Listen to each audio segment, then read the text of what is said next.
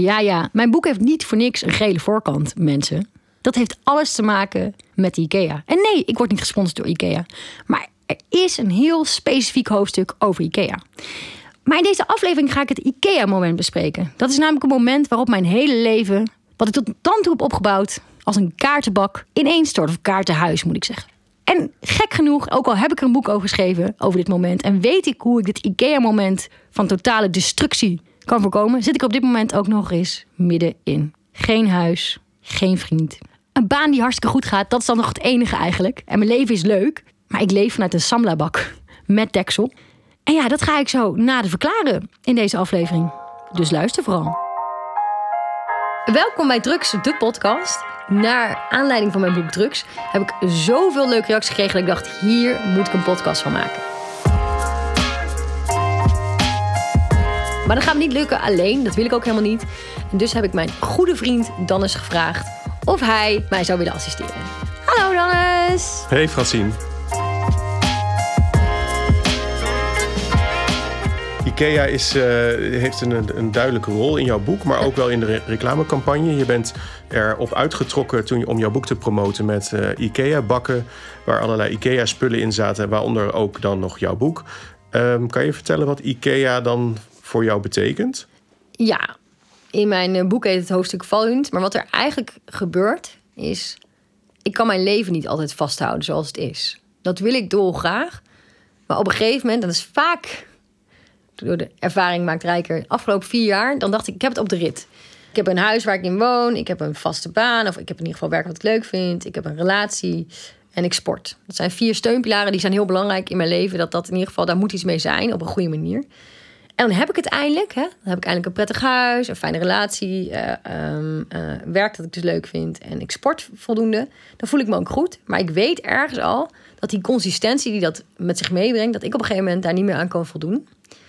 En dat kan van alles zijn. Maar op een gegeven moment, zoals het deze week bijvoorbeeld rond de, nou ja, het boek is net uit en doet het heel goed het sporten lukt niet meer. Want, want ik moet en naar mijn baan toe en ik moet het nog promoten. En dat, ik slaap er gewoon slecht door. Op een goede manier slaap ik slecht. Want ja, ik krijg zoveel reacties en daar ben ik ook dag en nacht in mijn hoofd mee bezig.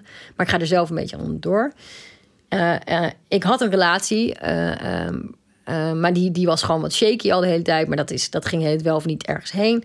en dat sporten ging dus niet helemaal goed meer. En dan voel ik gewoon, het kan wel eens misgaan. En, en dat vind ik, ik kan het niet vasthouden. Dat is soms sommige gedachten die ik heb, doorgaan wil vasthouden. Maar door de weerwar aan prikkels, en hier zijn ook allemaal prikkels en hordes op de weg, dreigt het me te ontglippen. En dat, dat, dat gevoel heb ik nu ook weer. Dus, uh, maar op zo'n moment dat dat gebeurt, gebeurt het ook allemaal in één week vaak. Het is niet zo dat dat zich één voor één aandient en dat de rest dan blijft staan. Nee, die steunpilaren hebben eigenlijk... Uh, die stoel uh, eigenlijk. Ik omschrijf het als een IKEA-stoel. Ik zit dus eerst nog heel comfortabel op die stoel, want door die vier poten die eraan zitten. Maar vervolgens gaan in een week tijd worden zo die vier boten eronderuit ge, uh, gezaagd en zit ik op de grond. En moet ik weer opnieuw beginnen. En aan de ene kant is dat heel prettig, dat opnieuw beginnen, want daar ben ik eigenlijk heel goed in geworden. En vaak bevind ik me op zo'n moment dus weer in IKEA. Want ik had toch een huis met meubels. En ik had toch gewoon uh, een relatie waar ik samen besluit, mee kon besluiten welke bank ik zou nemen en dergelijke. Oh, maar is IKEA dus een letterlijk, letterlijk in, een, uh, in een woonwarenhuis zijn om spullen te kopen? Nou ja, het is, of is het de, eerste keer dat ik me, de eerste keer dat ik me dat besefte, uh, stond ik toevallig in IKEA. Dacht ik, hoe kan dit nou? Ik had toch een hele goede baan, een hele leuke relatie. Um, en, ik, en ik heb het toch allemaal naar mijn zin. Hoe kan het nou zo mis zijn gegaan? Dus en, jij staat dan als een soort phoenix uit de as.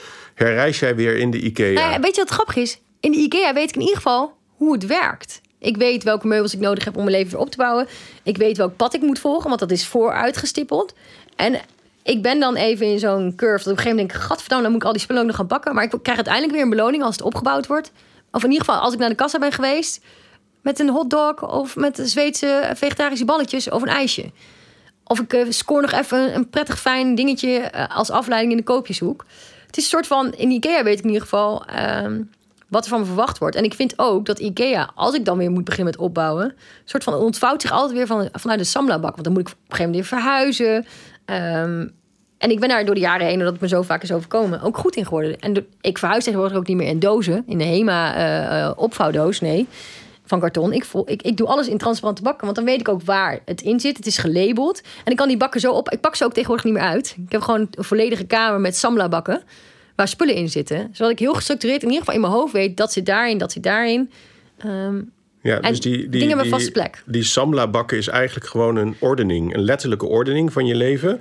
Eh, zoals je in ook... spullen en gedachtes. Ja, Ja, en, eh, en toen dacht ik dus, toen ik dit boek wilde promoten, van het zou eigenlijk in plaats van een goodiebag, dacht ik, ik ga een goodiebag doen. Daar stop ik dat boek in en wat dingen om het leven makkelijk. Ja, een goodiebag. ja, En toen dacht ik, en wat dingen om het leven makkelijker te maken, die mij ook helpen. ja. Eh, dus zo is dat ontstaan. En toen ben ik op een gegeven moment, dus, eh, want ik kreeg van Ikea in eerste instantie zou daar ook de lancering zijn met een eh, stoelendans. Dat vond ik dan wel grappig. Hè? Die stoelen die altijd. al die dans van de ene naar de andere stoel, Ja, eigenlijk. Ja. Nee, maar ook gewoon hè, het feit dat als je op een stabiele stoel zit, dan heb je er ook heel veel lol om. Maar op een gegeven moment is er geen plek meer, nog maar voor één iemand. Dus dat dacht ik. En ik dacht, dan ga ik een out-of-the-back experience doen. Dus dan gaan we, eh, eh, eh, ehm, hoe zeg je dat? Dan gaan we iemand laten spreken. Misschien ben ik het zelf. Die andere mensen die, die dat boek zouden krijgen en die daar zijn als toehoorder. Out of the box laten denken. Want het out of the box ik zoals mensen mij noemen als ik mijn gedachtegang laat gaan. Dat is voor mij mijn normale gedachtegoed. Ehm, dus dat dacht ik toen. En, dan, eh, nou ja, en Ikea vond dat ook wel leuk. En een prikkelvrije kamer. Want ik heb mijn boek geschreven ehm, in een kamer, of in verschillende kamers bij mensen, eh, die heel rustig vaak was. Om, en ook vaak in donker.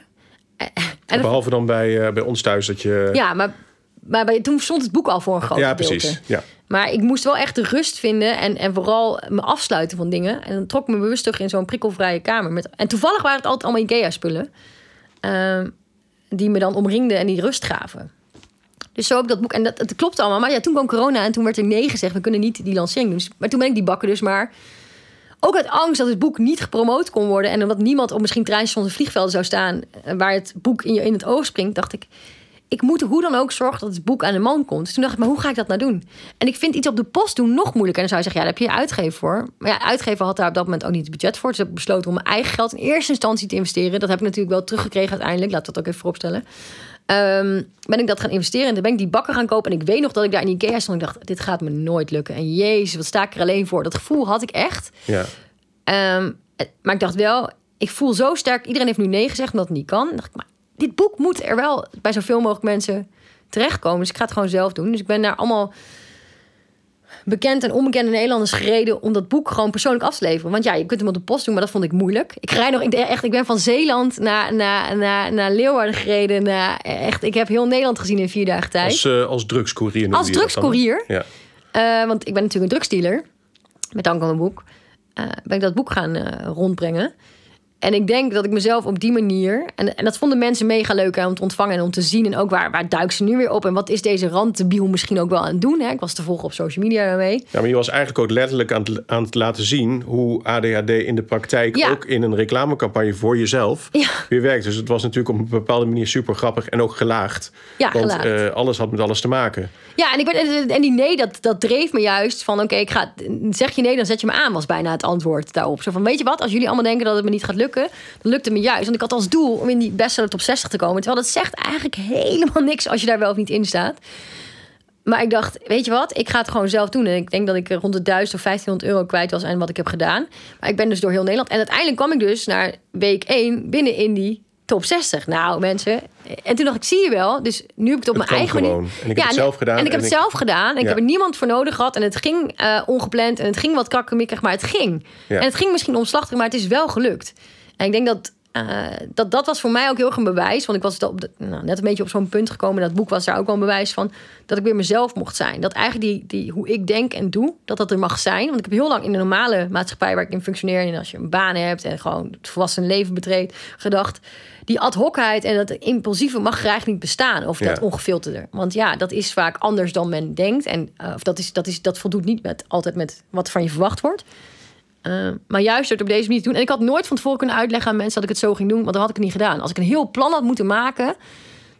Nee, daar begon je net eigenlijk al ook over deze podcast. Hè. Deze podcast is ook niet bedacht anders dan dat we het gingen doen. En, Ja. dat, en nu gebeurt het zoals het gebeurt. Ja. Uh, en dan kijk je weer terug en dan kan je daar uiteindelijk trots op zijn of niet. Uh, dat Ja. zou moeten blijken. Maar uh, dus die impulsiviteit, daar ben je eigenlijk nu steeds meer dat je je realiseert: hé, hey, dat is eigenlijk heel cool. En dat is eigenlijk ook gewoon zoals het achteraf gezien vaak werkt. Alleen in het moment zelf vind je dat misschien nog lastig om dat op dat moment te zien. Ja, en nou, ik weet vaak al wel waar ik wil eindigen. In dit geval was het niet best op 60, maar ik wist niet hoe ik er in de tussenstap zou komen. Tenzij ik het heel klein en bij mezelf hield. Want ik had natuurlijk alsnog een bureau kunnen inhuren die dit voor mij had bedacht. En ik had de, de, de PostNL kunnen vragen, willen jullie pakketten voor me rondsturen? Was het dan net zo goed geweest? Nee, helemaal niet. Dan was, dan was ik ook nooit zo hoog geëindigd. En dan was het ook gewoon, dan was ik niet ingekomen. Nee, juist door alle beren op de weg, eh, weg te nemen en het heel dicht bij mezelf te houden, werkt het. Want ik, denk dat het besefmoment kwam dat het misschien wel zou lukken was. Op een gegeven moment kwam ik van mijn werk. En het was denk ik twee dagen het boek uit. dacht ik, ja, jezus, er moet echt wel iets gaan gebeuren om in de top 60 te komen. Dat ik dacht, hoe dan? Toen ben ik vanuit mijn werk doorgereden. Ik werk in Apeldoorn naar eh, de IKEA Amersfoort. En toen ben ik daar in mijn eentje eh, op de lampenafdeling gaan doen alsof ik mijn boekpresentatie had, waar niemand was. En dan ben ik gewoon gaan praten in mijn eigen eh, camera. En dat heb ik op Instagram geplaatst. Van welkom bij mijn boekpresentatie. Nou, omdat hier niemand is, uh, uh, wil ik toch, maar ik wil toch even iedereen bedanken ook. En toen zag ik al mensen af en toe voorbij komen. Wat, wat ze aan doen. Maar iedereen liet me wel gewoon gaan. Vrouw. En in dat moment dacht ik ook, weet je, als ik nou slim ben, dan zet ik, ik heb een aantal boeken mee, dan ga ik in die kamersettings mijn boek gewoon op de boekenplanken plaatsen. En dan is straks dat boek mag gewoon at random voor mensen die het boek vinden of mogen hem meenemen. En, maar ik vond het gewoon geinig dat het ook in die setting stond. Want ik dacht ook, ja, ik heb dit boek ook in zo'n soort IKEA-setting elke keer geschreven. Um, en toen zag ik eigenlijk het hele plan uit. dacht ik, ja, zie, dit is weer IKEA die mijn leven redt. Ja. Uh, ja, dus eigenlijk wat je, wat je vertelt, hè, dus is dat uh, ADHD voor jou, uh, zowel in je werk als nu ook uiteindelijk in je eigen reclamecampagne, voor jou betekent dat je, dat je, hele, dat je heel ideeën genererend en intuïtief kan werken. Uh, en dat, dat, en dat mensen er eigenlijk op moeten vertrouwen dat het goed komt. Want ik heb heel vaak hebben mensen dat plan nodig om te vertrouwen dat het goed komt. Maar als ik het plan schrijf, dan is al mijn energie en creativiteit vaak overvlogen. Of dan heb ik andere mensen nodig om te verbeelden, een PowerPoint van te maken en mooier te maken dan het is. En eigenlijk moet ik gewoon ook tegen mijn collega's en werk, werkgevers zeggen: geef me het vertrouwen en laat me niet een heel plan schrijven, laat het me gewoon doen. En ja, dan is het ook het risico dat het misgaat. Tuurlijk, maar dat gaat ook als ik soms wel een plan heb. Dus ik weet, ik dacht heel erg, oh, en ik kwam heel dicht bij mezelf zijn. En ik kreeg er ook zoveel energie van toen ik zag dat mensen dat zo leuk vonden dat ik die bakken kan brengen. Mensen vonden het mega grappig. En dat vond ik zelf ook. Ik had echt de grootste lol in dat ik daar met eentje in die IKEA stond. Terwijl ja, in dat plan wat ik had geschreven, wat wel een heel leuk plan was overigens, um, heb ik ook heel veel lol al gehad in het presenteren bij IKEA. En ik merkte ook dat de IKEA zelf ook heel leuk op reageerde. Alleen ja, ik moest door die corona wel snel ombuigen. En dat laat denk ik ook wel een beetje mijn buigzaamheid zien. Dat ik snel kan anticiperen als de situatie niet is zoals die gaat. Waar het gaat ook wel eens mis. Hè? Dus dat jij een idee hebt en dat het eigenlijk achteraf eigenlijk gewoon heel stom was of gewoon niet werkte. Is dat, gebeurt dat ook? Of ja, daar ben ik bijvoorbeeld nu heel erg bang voor met deze podcast. Omdat oh ik zo dolgraag al op wilde dat deze podcast kwam. Dat ik dacht, eh, ik ben zo bang dat ik het niet goed doe omdat ik het niet voorbereid heb. En, en dan? Ja, dan sta ik zo voor paal. Of dan heb ik een bevestiging voor mezelf van dat iets niet lukt. Want dan ben je niks, dan ben je eigenlijk niks meer waard. Want dan is, het, uh, dan, is, dan is dit weer een blijk van dat je het eigenlijk allemaal niet kan. Ja, want dat is, de, dat is de andere kant van mijn stem. Aan de ene kant denk ik gewoon, ga met die baan en niet nadenken. Ik denk trouwens hartstikke veel na. Ik denk dat dat ook misschien misvatting nummer één is van ADHD's en ADD's. Jullie denken niet na, jullie doen eerst. Nee, we denken heel lang na, maar op een gegeven moment moeten we het gewoon gaan doen. Want als we te lang nadenken, dan doen we het snel, hè? Zoals nu onder andere. Sorry, ja, ik ja. af. Afgeremd. Ben je er niet bang voor dat dit dan faalt, was jouw vraag. En ik ben heel vaak op zoek naar bewijs dat iets niet lukt. Want dat ben ik ook wel gewend of zo. Ja. Maar ik heb eigenlijk gewoon bewijs nodig van dat ik het zelf prima kan. En dat ik het niet allemaal alleen maar aan andere mensen moet overlaten. Want dat ben ik ook heel goed in. Dat uit angst, omdat ik het zelf niet kan, dat ik het bij voorbaat al bij een ander wegzet. Ja. Maar aan de andere kant ben ik er ook van overtuigd dat je als ADHD'er en ADD niet moet gaan doen. Of tijd moet gaan investeren in dingen waar je zeker al van weet dat je er niet goed in gaat worden of zijn. Want dat kost alleen maar heel veel van je eigen energie. En dat zuigt je uiteindelijk leeg. Ja. En ik heb ook toen ik in deze huidige baan terecht kwam, was ik eerst ook nog uh, procesmanager. Uh, moest ik processen, werkprocessen waarborgen en kijken hoe en vastleggen. Dus hoe bepaalde dingen werden aangevlogen in systemen. En ik merkte al na een maand, het kostte me zoveel energie, het trok me helemaal leeg. Toen ben ik naar mijn directeur gegaan. In mijn proeftijd zei ik, ja, als dit het is, dan moet je me laten gaan, want daar word ik niet gelukkig van. En toen zei hij, nou ja, ik heb je ook niet aangenomen om uh, je energie kwijt te raken aan dit soort dingen. Ik, ik weet wat voor persoon je bent. Hij zei, dus wat wil je dan wel? En dat vond ik eigenlijk heel fijn, dat hij ja. me daar de ruimte voor gaf. Want uh, als je ADHD hebt, is dat dat verstandig om dat dan uh, bij het solliciteren van een nieuwe baan te benoemen? Of, of is dat. Nou, weet ik niet. Want aan de ene kant, uh, ja, altijd openheid van zaken. Maar je mag het niet gebruiken als excuus om je achter te schuilen in dat opzicht. Ehm, het is ook. Ik heb het ook vaak nog gebruikt als excuus, maar het is wel een, iets waar je rekening mee moet houden. Het is wel prettig als mensen het weten. Maar ik weet dat omtrent dit onderwerp intens veel schaamte is. Ja. Dat bang om dus aan een vooroordeel te ondergaan. Weet je, ik, ik had laatst toevallig als ik iemand aan het rondleiden in mijn huis. Uh, en dat was iemand die me niet kende. En die, die had haar dochter mee en zei: dit En die had van iemand gehoord dat ik ADHD had. En die zei: Dit meisje heeft ADHD, dus is heel druk. Dacht ik, nou, ik heb hier nog niks van drukheid laten zien. Ik loop heel rustig door het huis heen. Dus dat vond ik irritant. Ehm, dus dat vooroordeel wat soms op ADHD zit, dat heb ik ook met gedrag met dit boek weg te nemen. Dat het zoveel meer is dan alleen maar dat drukke gedrag. En dat het drukke gedrag soms ook ergens vandaan komt. Vaak uit stress, maar dat het ook alweer is wie die persoon is. En als je ADD hebt, merk ik helemaal, en zeker bij mannen, dat daar heel veel schaamte zit. Want het wordt als een soort handicap, handicap gezien. gezien. eh, en niet iets waar je al, als, als mensen het weten, dan word je er misschien op afgerekend op de verkeerde manier. Terwijl ik denk juist, als je het durft te vertellen, dat je er zelf meer baat bij hebt. En word je er toch op afgerekend, dan is het niet de juiste baan voor jou. Nou, er wordt ook vaak gezegd, het is zo'n sticker, hè? Dat je een Ja. sticker op hebt dat je iets bent. Ja. En je bent meer dan je ADD. Daar ben ik ook heilig van. En je ADD, daar ben ik ook van overtuigd. Ja, en dat is natuurlijk ook, want ieder mens heeft, is, is, is, is iets. Hè? Mhm. Ik bedoel, het is niet zo dat als je. Een, het is niet, je hebt ADHD'ers en niet ADHD'ers. Het is niet alsof de wereld daaruit bestaat. Je hebt natuurlijk allerlei, gewoon allerlei verschillende soorten mensen. Het is bijna een soort van, zoals bij seksuele diversity, dat je, dat je eh, eh, gay kunt zijn, maar heteroseksueel en alles daartussenin. Dus misschien is het ook wel weer heel rigoureus om ADHD te benoemen als echt. Je, hè, dus er zijn ook daar 50 tinten grijs, wil ik bijna zeggen. Maar, Maar, en dat eh, is ook, want, want je zult mensen hebben die dat ze opwindings-ADD krijgen, waarbij je alleen de drukheid even ziet op het moment dat ze iets helemaal leuk vinden en er aan van staan. Maar dan kun je je afvragen, is het ADD? Ik denk gewoon, mijn persoonlijkheid laat in ieder geval het drukke gedrag zien. Maar er zit ook heel veel rust van mensen. Zullen niet geloven dat ik ook graag onder die brandtrap hartstikke heerlijk zit in mijn eentje hoor. Ja, want is dat ADD? Leg daar nog iets over uit. Dus als je. ADD is ehm, de- dezelfde onrust die ik ook heb in mijn bewegelijkheid. Die uitzicht in mijn bewegelijkheid, maar die zit bij een ADD vaak alleen in het hoofd. Dus je kan niet zien aan zijn bewegelijkheid of, of, of, of, het, of het drukke gedrag, want het is er eigenlijk niet. Is niet waarneembaar. Ja. Eh, maar het maar- is dezelfde gedrag, gedachtenstroom in het Ja, hoofd zijn van wat ADD'er. Alleen zie je het aan de buitenkant veel minder in hyperactiviteit. Ja, precies. Eh, en uit zich veel meer in soms wat dromerig afwezig zijn. En, eh, maar ook observerend vermogen is juist wel weer heel groot. En heel invoelend ook. Maar dat moet voor beide gezegd worden, voor ADHD en ADD. Het is voor 10% voor de buitenzijde misschien waarneembaar wat die ADD doet. Maar nog steeds bij zo'n ADHD en ADD is 90% speelt zich af aan de binnenkant. En dat zijn continue gedachtenstroom, denkdiarree, eh, stress voelen... en dat ergens soort van kwijt willen, maar niet kwijt kunnen. Niet weten waar, waar, waar moet ik beginnen. Eh, en dat maakt het ook wel lastig. Zoals ik vind het nu bijvoorbeeld... Dit, we zijn eh, een reeks aan het opnemen vandaag. Ik merk dat het nu ook wel soms wat moeilijker is... om even te... Oh, waar zijn we ook alweer in het gesprek? Of, oh ja, wat was ook alweer de vraag? Ja. Om even de focus bij te houden, terwijl ik dit heel graag wil. Ja, en ik merk ook als. als eh, want het- mijn taak dan nu is om jou een beetje te structureren. Maar is bijna geen spel tussen te Ehm, krijgen. En nee, maar ik denk dat het ook belangrijk is om, om eh, jou te laten praten. En daarin blijkt al hoe, eh, hoe het werkt in jouw hoofd. En dat, je, dat, je heel veel, dat er heel veel gedachten komen. En die ook echt in een hyperactief, hy- hyperactief praat, praten eigenlijk zich uiten. Maar het is wel ehm, goed om wel, ook voor de luisteraar denk ik belangrijk... om wel te proberen om daarin...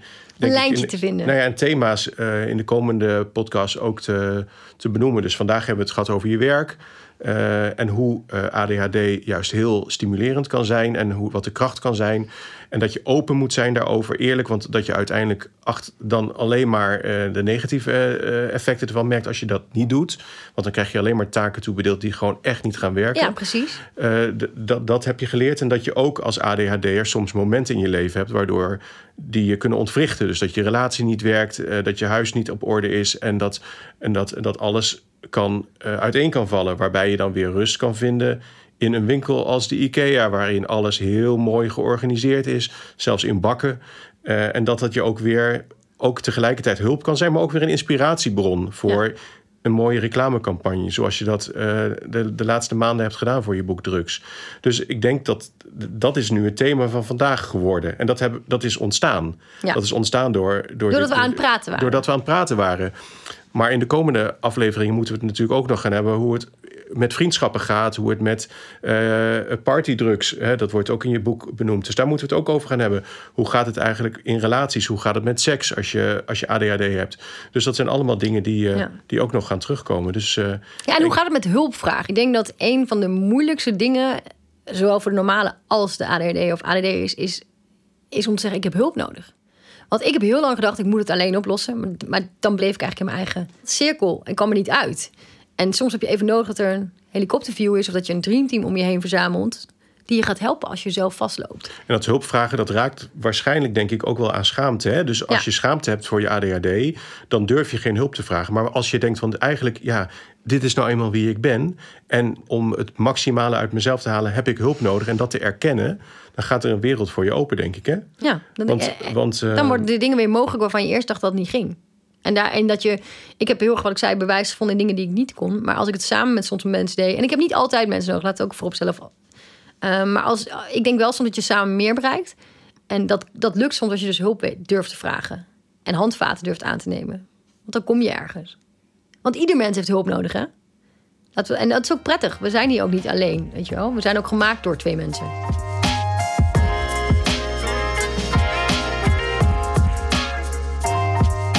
Nou, wat een, eh, wat een winkel, die IKEA. En wat een metafoor en alles. En eh, Ja, en het, het, het, het getuigt mij te zeggen dat ik in die end toch weer terug kan vallen op zoiets als IKEA. Dat daar mijn leven straks opnieuw begint, dat geeft mij rust. Dus IKEA, I love you. Jullie kunnen nog steeds bellen voor een betaalde samenwerking of voor een prikkelvrij huis.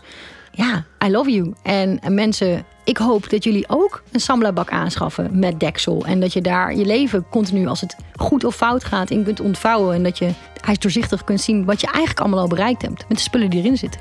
super praktisch allemaal. En eh, Absoluut. heel mooi te regelen zo. Als je dat op die manier je leven kunt indelen. Ik zou ervoor tekenen. Ik ook. Bedankt voor het luisteren. Heb je nog vragen, tips of aanvullingen? Mail mij dan op hello@francienregeling.nl of op Instagram @francienregeling. En ja, mijn boek Drugs, dat is ook nog steeds gewoon beschikbaar. En dat kun je gewoon lezen, luisteren, wat jij maar wil. Doeg!